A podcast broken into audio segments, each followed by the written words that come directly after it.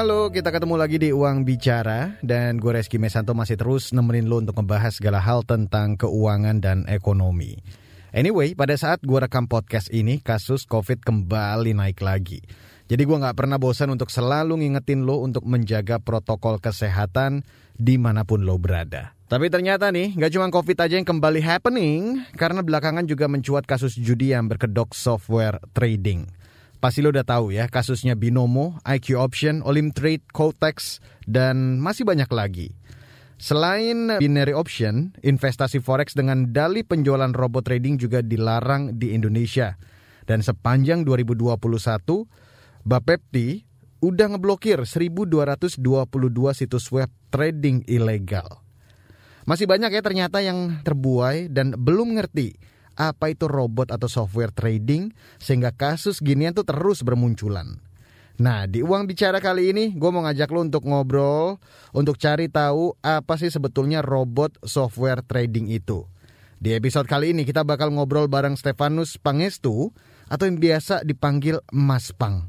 Dia ini adalah seorang akademisi dari Unika Atmajaya.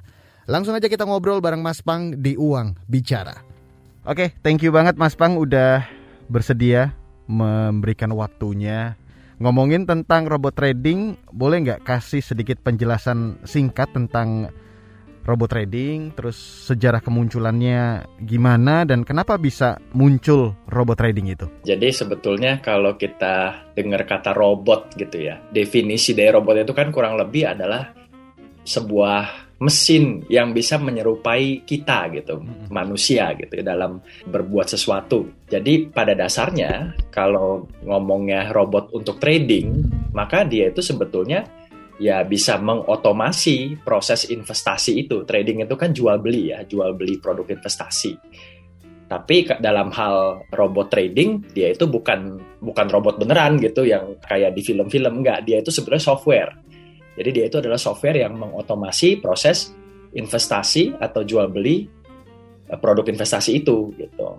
Kenapa bisa muncul? Karena memang uh, kalau dulu ya sebelum adanya robot itu kan berarti kan manusia yang melakukan gitu dan sebetulnya pengembangan robot untuk trading ini sebenarnya sudah lama sekali gitu dari tahun 1950-an. Intinya sih dia mengeliminasi aspek manusia kita itu manusia yang penuh dengan bias, manusia yang emosional gitu. Dan manusia kan terbatas ya mas ya. Hmm. kalau kerja kan nggak bisa 24 jam. Nah dalam tanda kutip robot itu kan bisa terus menerus operational oke ngomongin tentang robot trading ini biasanya digunakan untuk jenis apa aja? Apakah hanya untuk forex kripto atau ada juga misalnya untuk produk-produk lain seperti saham lah misalnya? Ya pada dasarnya sih komoditi itu bisa ya, bisa untuk diperjualbelikan. Mungkin kalau yang paling hot gitu di, di Indonesia memang forex ya. Dan dulu awalnya juga robot trading itu memang dikembangkannya itu secara intens gitu ya tahun 2000-an itu memang untuk forex bahkan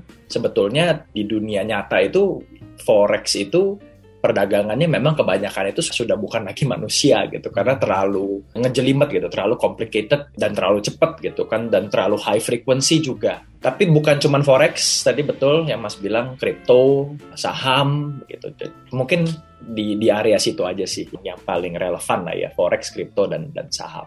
Mas Bang, bagaimana hmm. sebetulnya sistem kerja dari robot trading ini? Bagaimana mengoperasikannya? Boleh nggak dijelasin Mas Bang? Oke, yang jelas kan namanya kita mau untung ya, mm-hmm. gitu. Jadi kita mau invest. Nah, terus ini kan sebuah fasilitas lah gitu, dan ini nggak mungkin gratis gitu. Sebenarnya ada yang gratis, cuman kita nggak akan bahas deh yang gratis karena kalau ada orang menawarkan jasa robot secara gratis, kita mesti curiga. Gitu. Kalau misalkan kita emang pengen ya, tentu itu berbayar. Berbayar itu dibagi dua.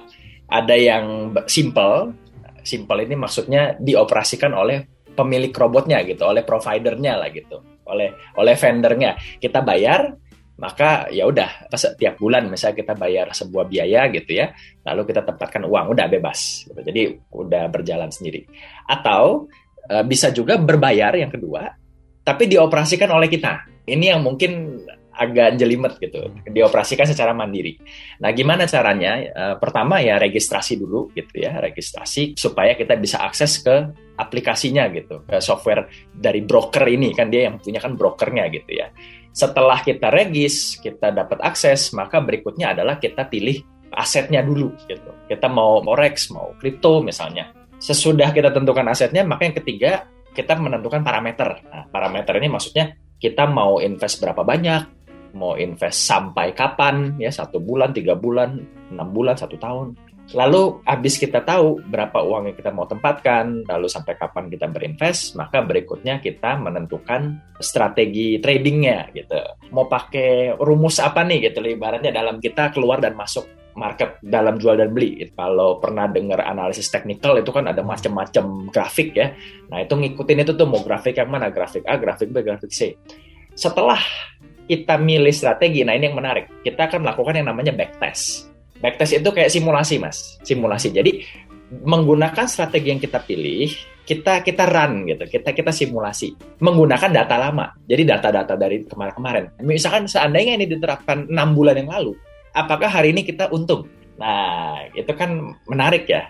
Nah, kalau misalkan kira-kira, oh iya ternyata kalau seandainya tadi misalnya yang kita tentukan dari parameter dan strateginya itu enam bulan yang lalu ternyata hari ini tuh untung besar, wah PD nih, masa sih PD nih, maka kita eksekusi uh, robotnya.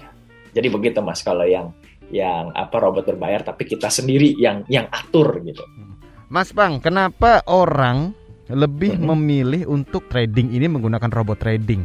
Itu yang pertanyaan pertama dan apa kelebihan ketika menggunakan robot trading ini dibanding kita melakukan trading secara manual? Kalau ditanya kelebihannya sih itulah ya kenapa orang memilih gitu ya. Mm-hmm. Dan saya tuh bisa memberikan opini bahwa memang yang namanya robot ini adalah satu convenience gitu ya. Dia memberikan convenience gitu. Kita nggak usah mantengin data-data pasar, nggak usah denger informasi. Nah, yang kedua bisa juga karena herding ya, Mas ya. Herding itu kayak kita ngelihat domba digiring gitu. Jadi, woi ngikut gitu.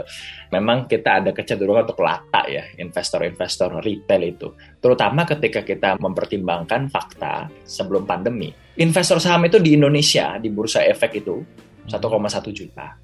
Sedangkan sekitar bulan September 2021 kemarin, jadi kurang lebih satu setengah tahun ya secara setelah pandemi, investor saham itu 2,6 juta. Bayangkan dari 1,1 ke 2,6. Bursa efek udah ada dari tahun berapa gitu, ya kan? Dan ini peningkatan yang memang luar biasa. Dan jadi banyak sekali investor baru gitu. Mungkin ingin mendapat uang cepet gitu, uang instan gitu karena fear of missing out gitu, FOMO itu. Mhm. Bisa jadi investor baru yang pakai atau bisa juga investor yang lama dia tergiur ngelihat yang baru wah atau orang-orang yang baru masuk pasar kok bisa untung besar. Jadi itu kalau saya pikir bisa jadi karena convenience dan bisa jadi karena ya ngikut-ngikutan uh, tadi itu. Kalau ditanya kelebihannya ya convenience itu sebetulnya. Karena kita kan pada dasarnya manusia itu kalau sudah semakin makmur gitu ya dan atau mungkin tujuannya menjadi makmur kan sebisa mungkin kita mencitak banyak uang tanpa harus banyak bekerja dan robot ini memungkinkan itu. Itu kalau kelebihannya. Kalau kekurangannya pasti ada dong. Menggunakan robot trading ini dibanding kita trading secara manual aja. Oke, kalau kekurangannya pertama ya, robot itu hanya sehebat strategi yang kita terapkan. Itu yang pertama. Dan kita nggak sendirian, itu yang perlu kita ingat gitu ya. Jadi meskipun oh iya harusnya robot itu nggak bisa kalah dong nggak gitu. Tapi faktanya adalah robot itu ada banyak gitu. Katakan kalau misalkan dari satu miliar orang ada satu juta robot, nah ini kan robot-robot ini punya pikirannya sendiri ya. Jadi art artinya ujung-ujungnya apa? Ya ada psikologinya juga kan di balik robot itu, meskipun dia meng mengotomasi proses gitu. Itu yang pertama.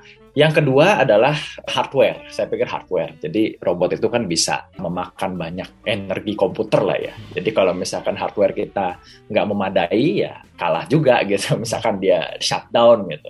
Lalu yang ketiga adalah tadi meskipun kita bilang otomatis lalu bisa kita santai gitu tapi faktanya adalah kondisi kan berubah kita harus mengejas gitu kita harus mengejas strategi ya kan itu juga penting nah lalu yang terakhir mungkin isu security dan legalitas gitu Nah, ini yang, yang sebenarnya mungkin relevan dengan pembahasan kita hari ini. Okay. Legalitas dari brokernya gitu. Apakah aplikasinya ini memang dilindungi hukum gitu, berlisensi tadi baru saya disebutkan salah satu faktornya adalah security dan legalitas. Kalau kita ngomongin tentang security-nya ini kan berarti ada ancaman nih ya, Mas. Ancamannya hmm. tuh apa aja? Oke, kalau misalkan ini perusahaannya, brokernya, atau pemilik pencipta robotnya ini nggak jelas gitu ya, hmm. shady gitu, ya bisa jadi data kita ya kan. Pertama data protection itu kan sebuah oh, iya. isu yang beberapa tahun terakhir ini kan sering disuarakan gitu ya, hmm. data protection, cyber security gitu. Kita nggak tahu kan. Maka dari itu ya legality itu gitu. Apakah betul broker ini beroperasi dalam ranah hukum punya izin nggak dia untuk berbisnis gitu? Ya, apalagi itu kan sebenarnya uang kita ya, uang masyarakat gitu. Hmm. Jadi uh, itu yang harus betul-betul diperhatikan. Kalau untuk legalitasnya sendiri di Indonesia aja lah khususnya, bagaimana mas? Masih disiapkan ya. Tapi sekarang sudah sudah banyak yang menggunakan robot trading ini khususnya di Indonesia. Memang ini ya benar sih mas, maksudnya begitu banyak gitu ya investor ya di sini ya gitu ya, hmm. ya yang dalam tanda kutip bermain trading bot ini kalau bahasa Inggris trading bot bahasa Indonesia jadi uh, robot trading ini tapi ya karena susah ya maksudnya kita mau regulator mengejar tapi juga agak abu-abu gitu meskipun hmm. sebenarnya salah lalu ada uang masyarakat di situ ya, itu kan jadi jadi pusing juga hmm. begitu sama kayak kripto misalnya kripto itu kan baru kemarin katanya MUI itu mendeklarasikan fatwa itu fatwa haram. haram. Ya? Iya. Wah terus gimana gitu masa mau dibubarin gitu ya susah juga dan gimana caranya wong wong apa biasanya kripto itu juga sedangkan apa, udah banyak yang pakai kripto tuh udah banyak gitu ya iya salah juga gitu kan. oke mas kalau kita ngobrolin tadi seperti yang Mas Pang sempat sebutkan dari faktor security itu kan bisa dibilang bagaimana kita ngelihat legalitas broker itu dalam tanda kutip apakah abal-abal atau apakah benar seperti itu ya. Nah, bagaimana kita bisa mengetahui apakah broker ini abal-abal atau broker ini bagus? Oke, mungkin yang pertama terlebih dahulu adalah kita mesti ngeliat cara marketing dia, cara dia nyari investor ya, seberapa agresif gitu, maksudnya menjanjikan keuntungan. Nah itu keuntungannya berapa persen. Nah ini jadi logik kita mesti jalan. Tuh, bener nggak nih hitung-hitungannya gitu. Kira-kira masih masuk di akal nggak tingkat pengembaliannya yang dijanjikan itu. Karena nggak ada itu harusnya yang oh pasti untung itu nggak ada. Itu pasti nggak ada seperti itu. Tapi yang lebih penting lagi yang kedua terkait dengan legalitas tadi, kita lihat uh, lisensinya gitu. Kita cek izin usahanya gitu. Financial regulatory-nya tuh hmm. ada nggak gitu. Ibaratnya tuh ada ada stempelnya nggak? Ada stempel uh, lembaganya nggak? Misalnya dari Bapepti nah, ya Badan Pengawas Komoditi Berjangka itu ya di bawah Kemendak itu. Jadi misalnya ya karena kalau bicara forex sama kripto itu kan di ranah Bapepti hmm. kalau kita bicara saham itu di ranahnya Bursa Efek Indonesia gitu ya. Nah, tapi ya ya memang BEI gitu memang masih menyempurnakan gitu. Per bulan Oktober November ini memang belum belum ada gitu. Jadi dan Bapepti pun masih memproses gitu. Hmm. Kalau Mas Pang sendiri akan memilih menggunakan robot trading atau masih menggunakan cara-cara konvensional trading manual aja? Saya prefer memang manual sih, Mas. Saya suka menganalisis sendiri gitu. -hmm. Saya saya suka going against the grain gitu, mencari yang anti mainstream gitu. Saya mm-hmm. sukanya seperti itu. Karena robot ini uh, tidak bisa menggantikan manusia gitu. Bagi menurut saya ya, dia itu hanya melengkapi lah, melengkapi proses trading yang manual atau analog itu. Sebetulnya ya.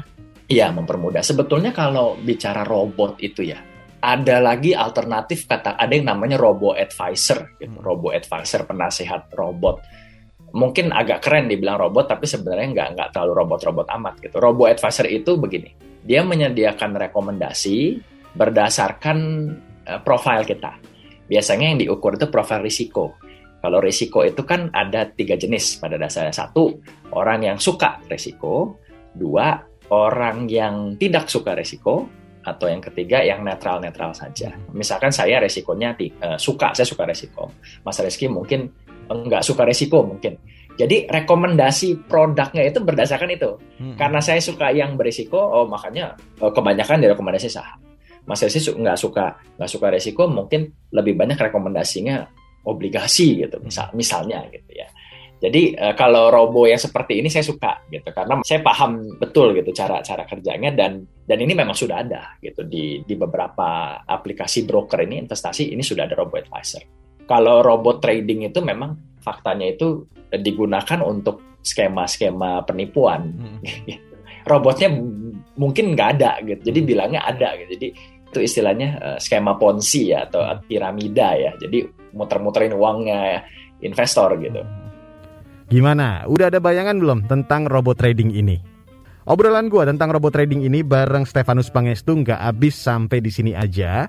Karena di bagian selanjutnya gue masih lanjut lagi ngobrolin tentang robot trading dan juga Mas Pang akan kasih tips and trick ketika lo mau menggunakan robot trading.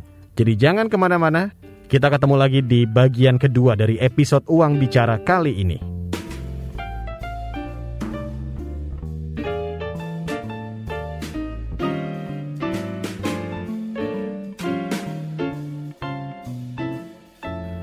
Lo masih dengerin Uang Bicara dan di episode kali ini kita lagi ngobrolin tentang robot trading bareng Stefanus Pangestu, SEMM, akademisi dari Unika Atmajaya sebagai dosen Fakultas Ekonomi. Kita lanjut lagi ngobrol tentang robot trading di Uang Bicara.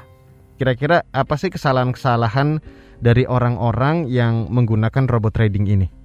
ya mungkin mereka nggak mempelajarinya terlebih dahulu sebetulnya itu apa lalu main masuk aja begitu dengar ada janji-janji manis, oh akan untung gitu. Ya which is bisa dimaklumi gitu. Kita ya lagi pandemi seperti ini dengan resesi dan dan apa orang kehilangan pekerjaan, hidup harus menyesuaikan gitu ya. Jadi ya tergiur lah. Itu itu sangat sangat manusiawi. Jadi saya pikir itu yang paling teratas gitu kalau ditanya apa kekeliruannya gitu. Dia nggak mempelajari dulu ini sebetulnya apa. Gitu. Legalitasnya nggak dilihat. Bagaimana Mas Pang sendiri melihat pemerintah Indonesia dalam melakukan mungkin uh, mulai mem akan menerima robot trading atau mungkin akan menolak dan juga bagaimana kedudukan pemerintah sendiri nantinya untuk bisa melindungi uh, masyarakat dari tadi eh, isu-isu sekuritas dan legalitas dari robot trading sendiri. Oke, saya sih simple saja gitu ya. Kalau trading bot itu sebetulnya kan udah lama ya, udah udah dari tahun 2000 sudah ada. Hmm. Dan kita tuh sering kali terlambat lah yang begini-beginian, ya kan? Hmm. Dan simple di situ uh, dalam apa investor menggunakan trading bot itu.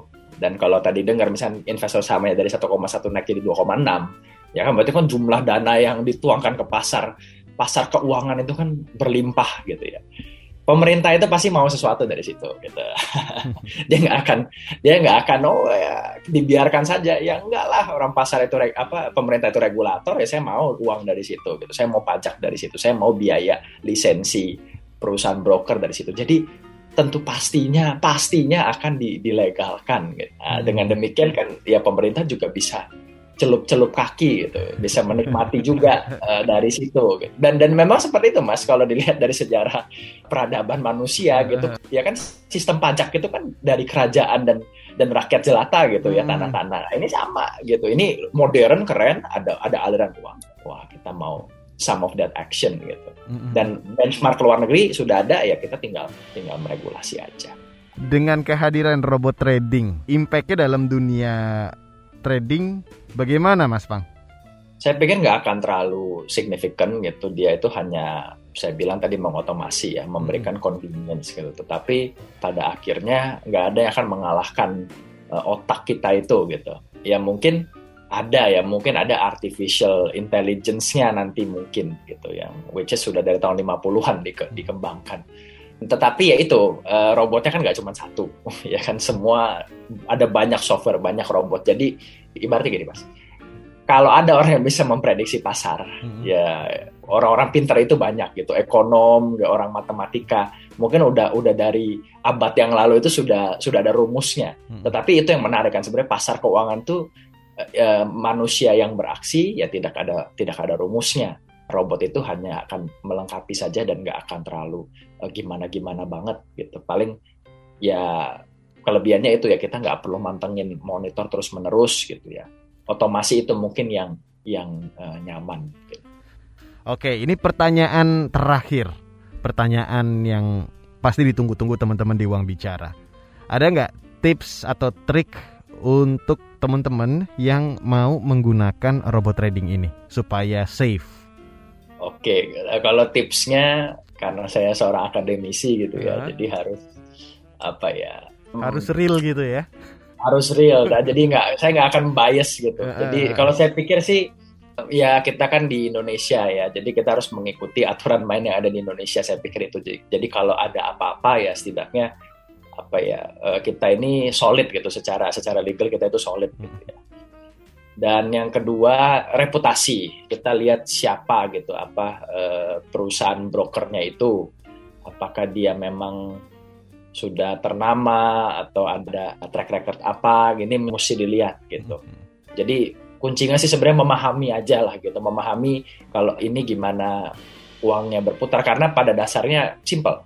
Pencipta robot ini yang memperdagangkan robotnya ini atau jasa robotnya ini kan dia juga punya kepentingan gitu, kepentingan ekonomi gitu. Jadi kita mesti oh ya mesti ingat seperti itu. Pahami dulu cara kerjanya, cek legalitasnya, baru kita nyemplung lah gitu. Itu dia Stefanus Pangestu, seorang mahasiswa doktoral dari Corvinus University of Budapest. Yang juga sebagai akademisi dari Unika Atmajaya, sebagai dosen Fakultas Ekonomi. Kita udah dapat pencerahan tentang robot trading. Mudah-mudahan obrolan kita kali ini bisa menambah pengetahuan lo lagi di dunia trading. Anyway, sampai di sini dulu episode Uang Bicara kali ini. Thank you banget buat lo yang selalu menantikan episode terbaru dari Uang Bicara. Buat lo yang punya ide-ide, kritik, saran, ataupun masukan topik-topik yang keren dibahas di Uang Bicara, jangan pernah ragu ya untuk langsung kirim email ke podcast at kbrprime.id dan kasih subjeknya Uang Bicara. Well, gue Reski Mesanto undur diri dulu dari Uang Bicara kali ini. Sampai ketemu minggu depan. Tetap semangat, tetap bahagia, dan yang paling penting adalah tetap sehat di tengah pandemi. Bye-bye.